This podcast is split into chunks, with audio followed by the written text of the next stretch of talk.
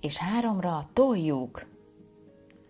Szinte biztos, hogy valaha az életedben már te is fantáziáltál arról, hogy milyen jó lenne egyedül egy lakatlan szigeten, ahol a tenger nyaldossa a lábadat, és a pálmafák susogása puhán álomba szenderít. Távol minden emberi lénytől. Ó, de csodás! Egy ideig biztosan csodás lenne, de bármennyire is vágyunk olykor az egyedül létre, igenis szükség van egymásra. Szükség van arra, hogy különböző csoportokba tömörüljünk, aminek nem csak előnyei, de veszélye is vannak. Ezeket vesszük most szemügyre. Meg persze a megoldásokat is, szóval tartsatok ki. Első, egységben az erő. Akár tetszik, akár nem, csoportban egyszerűen több esélyünk van a túlélésre és a minőségibb életre. Ezt már eleink is tudhatták, hiszen ha csoportba verődtek, nagyobb eséllyel találtak élelmet és védelmet, a sérülékeny utódokat nagyobb valószínűséggel tudták felnevelni, és a feladatokat is hatékonyabban meg tudták osztani. Ezt a működési mechanizmust megkaptuk örökségül, így számunkra is szükséges, hogy csoportokba rendeződjünk. De mit jelent egyáltalán a csoport? Ha Budapesten, a 7. kerület Veselényi utcában öten állunk a troli megállóban, akkor mi már egy csoport vagyunk? A trollira várakozók csoportja? Nem, ez még önmagában kevés. De mi van akkor, ha becsurog a troli, de tovább indulni már képtelen? Ha a kedves utasok összefognak és megtolják a járművet, akkor az már inkább hasonlít egy csoporthoz. Ugyanis a csoport egyik fő tulajdonsága, hogy az egyének egymástól függő viszonyban vannak, vagyis egymásra vannak utalva. Természetesen az egymásra utaltságnak is van mértéke, hiszen például a családtagok, üzleti partnerek, zenekarok gyakrabban érintkeznek egymással, és jobban függnek egymástól, mint az említett tetrekész utasok. Második, csoportgondolkodás. Azt gondolnánk, hogy ha csoportként hozunk meg egy döntést, az biztosan jobb lesz, mint ha egyénileg tennénk. Sőt, ha mindezt tanult, középkorú, öltönyös és kosztümös egyének teszik, akkor pedig a siker garantált. Sajnos ezt az illúziót el kell, hogy oszlassam, ugyanis nem minden esetben ez történik. A szociálpszichológia egyik izgalmas témája a csoportgondolkodás, aminek a lényege, hogy azért, hogy konszenzus szülessen, az adott kérdést érintő kritikai gondolkodást és az egyén gondolatait félre lehet söpörni. A ma már retro kategóriába tartozó Kodak valaha a fényképezőgépek vezető szereplője volt. Amikor a digitális kamerák elkezdtek bekúszni a piacra, a cég vezetői szentül meg voltak győződve, hogy a terméküket az új technológia nem fogja veszélyeztetni. Ennél nagyobbat nem is tévedhettek volna, ugyanis szemrebbenés nélkül kiütötték őket a versenyből. De mi a biztos recept a csoportgondolkodáshoz? Első, a sebezhetetlenség illúziója, vagyis hogy minket csoportként nem érhet veszély. Ennek következtében túlságosan optimistán és nem realistán tekinthetünk az eseményekre. Emellett nagyobb kockázatot vállalunk annál, mint ami indokolt. A következő az egyetértés illúziója, vagyis hogy abban a tévképzetben ringatjuk magunkat, hogy mindenki egyetért a csoportban, még akkor is, ha hallgat. De ez sem véletlen, hiszen a csoport viselkedhet kirekesztően azokkal szemben, akik nem értenek egyet. Például az olyan rossz májú megjegyzések, mint miért vagy ennyire beszari, azt hittem ennél belevalóbb vagy. Ennek a kis testvére sztereotipizálás más csoportokkal szemben. Például egy céges megbeszélésen elhangozhat az a mondat, hogy a mi standunk nagyobb lesz az állásbőrzén, mint a többi vállalaté, így nem kell aggódni attól, hogy a versenytársak elhalásszák a jó jelölteket. Aki pedig szóvá tenné, hogy elsősorban nem a stand méretén múlik a jó jelöltek bevonzása, azt csak lehúrogják azzal, hogy mindig olyan negatív vagy. Ennél lehet még direktebb is a reakció, vagyis közvetlen nyomásgyakorlás a másként gondolkodókra. Előző példánál maradva az úgynevezett negatívnak titulált kollégát a következő megbeszélésre már lehet, hogy nem is hívják meg. Ezek eredményeiként kialakulhat az öncenzúra. Például mondhatja azt a munkatárs, hogy minek erőlködjön, hiszen a többiek állandóan elnyomják. Vagy azt érzékeli, hogy a véleménykülönbség miatt akár veszélybe kerülhet az állása. Ezért csöndben marad, hiszen úgymond jobb a békesség. Ezáltal elindulhat a hibás döntések sorozata, mint például a célkitűzések és az alternatívák hiányos felmérése, szelektíven válogatott információk, elfelejtett újraértékelések és vészhelyzeti tervek. A 12 dühös ember című film remekül szemlélteti a csoport gondolkodás dinamikáját. Érdemes megnézni egy borongos vasárnap délután. Harmadik, csoportpolarizáció. Tudom, tudom, már lehet, hogy ti is unjátok, ha valaki a csoportpolarizációval jön, mert lassanként minden második mondatunkban szerepel ez a szó, hiszen próbáljuk megérteni, mi is ez a széthúzás Magyarországon. Meg persze a világ más tájain is. Ennek ellenére mégis fontos egy kicsit a természetével foglalkozni, kihagyva most a közösségi médiát. A csoport polarizáció az a tendencia, hogy a csoportos döntések szélsőségesebbek, mint az egyén által hozott döntések. Továbbá bármerre is hajlik a csoport egésze, a vita maga hajlamossá tehet minket arra, hogy még inkább a szélsőséges irányba tendáljunk. Ennek két oka is lehet. Az egyik, hogy miközben vitatkozunk, a csoporttagok egyre több érvet dobnak be a közös kalapba. Vagyis kapunk egy kibővített érvkészletet. Tegyük fel például, hogy egy céges csapatépítőt szeretnénk szervezni, mindezt fenntartható módon. A szervező csapatban csak olyan emberek vesznek részt, akiknek szívügye a fenntarthatóság, és mindenki arra törekszik, hogy a lehető legzöldebb csapatépítés valósuljon meg. Ezért egyre több zöld szempont érkezik, kezdve az utazás, étkezés, szállás programok tekintetében. Ez önmagában egy nagyszerű kezdeményezés, de a száz fős cégből nem biztos, hogy mindenki szívesen pattan a bringára, hogy letekerjen a helyszínre, vagy ennek kizárólag vegán kaját, és aludna a jurtában. A második ok, hogy szeretünk magunkra úgy gondolni, hogy mi különlegesebbek vagyunk, mint a többiek.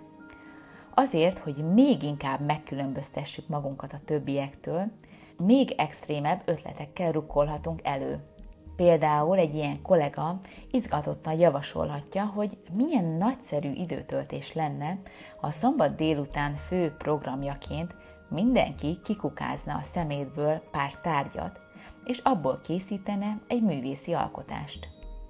Nem vagyok biztos benne, hogy ezt kitörő lelkesedéssel fogadnák a többiek. Negyedik. Amikor elszabadul a pokol. A deindividuáció. Olykor értetlenül állunk olyan események előtt, amikor jól szituált emberekből előtör az állat. Mondjuk egy békésnek indult, ám bár tragédiába fulladt tüntetésen. Ahol az egyébként intelligens és látszólag nyugodt egyének valamilyen úton, módon mégis ütik-vágják egymást, járműveket rongálnak, betörik az üzletek üvegét és szétdobálják a szemetet.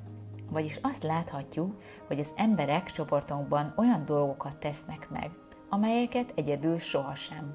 De miért van ez így? Egyénként, vagyis individumként mások által és önmagunk által is azonosíthatónak érezzük magunkat, és egyénileg felelősséget vállalunk a tetteinkért. Vagyis többségében figyelünk arra, hogy a társadalmi norma által diktált viselkedési formát kövessük, hiszen a valahova való tartozás igénye és a kirekesztéstől, büntetéstől való félelem bennünk él. De amikor egy nagyobb csoporthoz vagy tömeghez csatlakozunk, akkor megjelenhet a deinviduáció, vagyis a személytelenség. A deinviduáció modelljét Philip Zimbardo dolgozta ki, ami jól szemlélteti, hogy milyen mechanizmusok játszódhatnak le az egyénben ennek hatására. A modell három részből tevődik össze. Első fázis, előzetes feltételek, vagyis amikor az egyén azt érzi a tömegben, hogy anonim lesz, beolvad a csoportba, és nem lehet őt beazonosítani. Mivel rengeteg ember van körülötte, úgy érzékeli, hogy a felelősség is közös. Általában az ilyen tömeges események nagy izgalommal, fokozott aktivitással és érzékszervi túlterheléssel is járnak.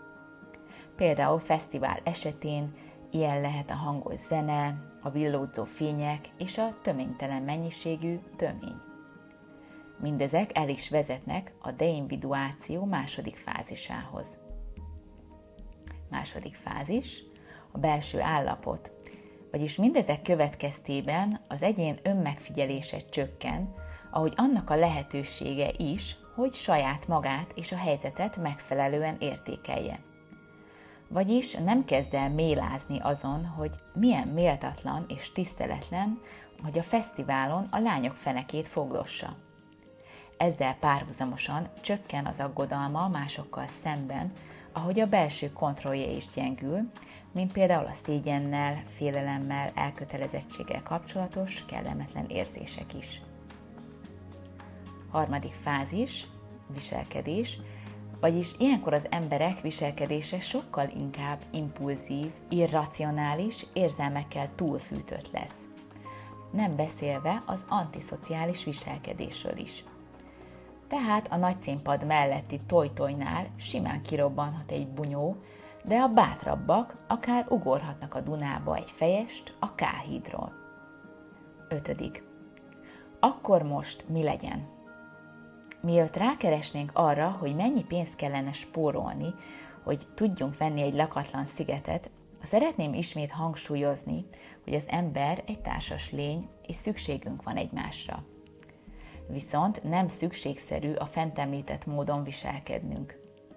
Nézzük is meg, hogy mit tehetünk azért, hogy jobban tudjunk csoportban funkcionálni. Első, a csoport gondolkodás megelőzése. A csoport vezetői ne osszák meg egyből a preferenciáikat a többiekkel. Hagyják először a csoporttagoknak, hogy elmondhassák a véleményüket. Győződjünk meg arról, hogy minden szükséges információ a rendelkezésre áll a csoportunk számára. Az állásbőrze példánál maradva, például korábbi tapasztalatok és tanulságok, versenytárselemzés, legújabb trendek és társai. Emellett a megbeszélések későbbi fázisában hívhatunk be új kollégákat, akik friss szemmel rá tudnak nézni a projektre. Például lehet, hogy eddig senkinek sem jutott eszébe, hogy a rendezvényen hol fogjuk biztonságban tárolni az önéletrajzokat illetve segíthet, ha már az elején kijelölünk a csoportban egy szemét, aki úgymond az ördög ügyvédjét fogja játszani. Tehát a csoportunk felhatalmazza ezt az embert, hogy az összes szempont gyenge pontjára világítson rá. Ezek a személyek természetesen változhatnak, de a lényeg, hogy mindig legyen valaki. Második, a csoportpolarizáció ellenszere. Az előző pont elemei is segíthetik csökkenteni a csoportpolarizációt, ahogy az is, hogy beengedünk a látóterünkbe különböző nézőpontokat. A zöld csapatépítő projektnél maradva érdemes a szervező csapatba olyan munkatársat is behívni, akinél a fenntarthatóság még nem annyira élvez prioritást. Lehet, hogy a későbbiekben ez változni fog az ő esetükben is, de az biztosan nem segíti az egészséges csapatdinamikát, ha erőből akarjuk rájuk kényszeríteni. Az önreflektálás pedig mindig egy Jolly Joker, azzal nem lehet mellé nyúlni. Vagyis, ha magunkban nézünk, hogy miért is dobáljuk be azokat az ötleteket a kalapba. Mi ezzel az igazi célunk? Az, hogy a másik száz kollega is jól érezze magát, és lehetőséget biztosítsunk nekik, hogy ismerkedjenek a fenntartató megoldásokkal? Vagy a puszta célunk az, hogy megmutassuk, mennyire kreatívok vagyunk, függetlenül attól, hogy mi esne jól a többieknek. Ehhez nagy bátorság kell, de biztosan állíthatom, hogy a világon az egyik legjobb kérdés a következő. Ezt igazából miért csinálom? Harmadik. Deinviduáció lefegyverzése. Az öntudatosság elmélete szerint, ha önmagunkra irányítjuk a figyelmünket, akkor jobban elkezdünk foglalkozni a saját magunk értékelésével, és azzal, hogy az adott viselkedés megfelele a társadalmi normáknak, vagy sem. Vagyis a nagy fesztiválozás hevében eszembe jutat, hogy én egyébként egy jól nevelt, tanult, becsületes ember vagyok, aki normál esetben nem fogdossa a nőket. Emellett külső tényezők is csökkenthetik a deinviduációt, például kameráznak minket, tükörbe nézünk, vagy névtáblát viselünk. Ennek egy következő állomása a reflektorfény effektus, amikor is meg vagyunk arról győződve, hogy a körülöttünk lévők jobban figyelnek ránk, mint ahogy valójában teszik. Végül pedig egy tanulságos kísérlettel zárnám, ami azt igazolja, hogy mennyire megváltozhat a viselkedésünk, ha azt érezzük, hogy néznek minket. Egy egyetem tanszékén működött egy kávégép, és mellette egy becsületkassa, ahova az emberek annyi pénzt adhattak a tejért, amennyit szerettek volna. A kutatók először egy virágos képet helyeztek el a kávéautomata mellé, aminek eredményeképpen a dolgozók átlagosan 15 penit adtak minden liter tejért. A következő esetben pedig egy szigorú tekintetű férfi szemet ábrázoló képet helyeztek el az automata mellé, ami határozottan megnövelte az adakozó kedvet, ugyanis átlagosan 70 penire emelkedett a liter tejért adott összeg.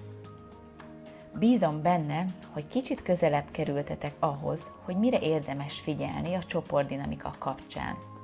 Hiszen ha jól tudunk együttműködni, akkor erősebbek vagyunk, mint hinnénk.